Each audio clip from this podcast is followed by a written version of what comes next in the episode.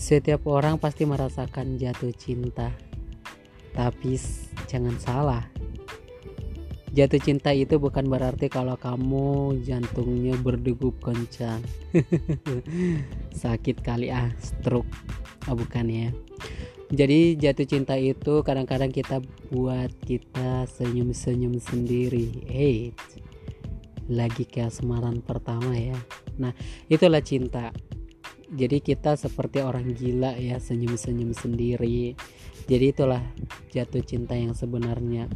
Dan kita tidak pernah akan bosan memandangi ketika kita sudah jatuh cinta dengan orang yang kita cintai. Dan pasti nyaman. Itulah cinta ya. Bukan berdegup kencang kayak orang stroke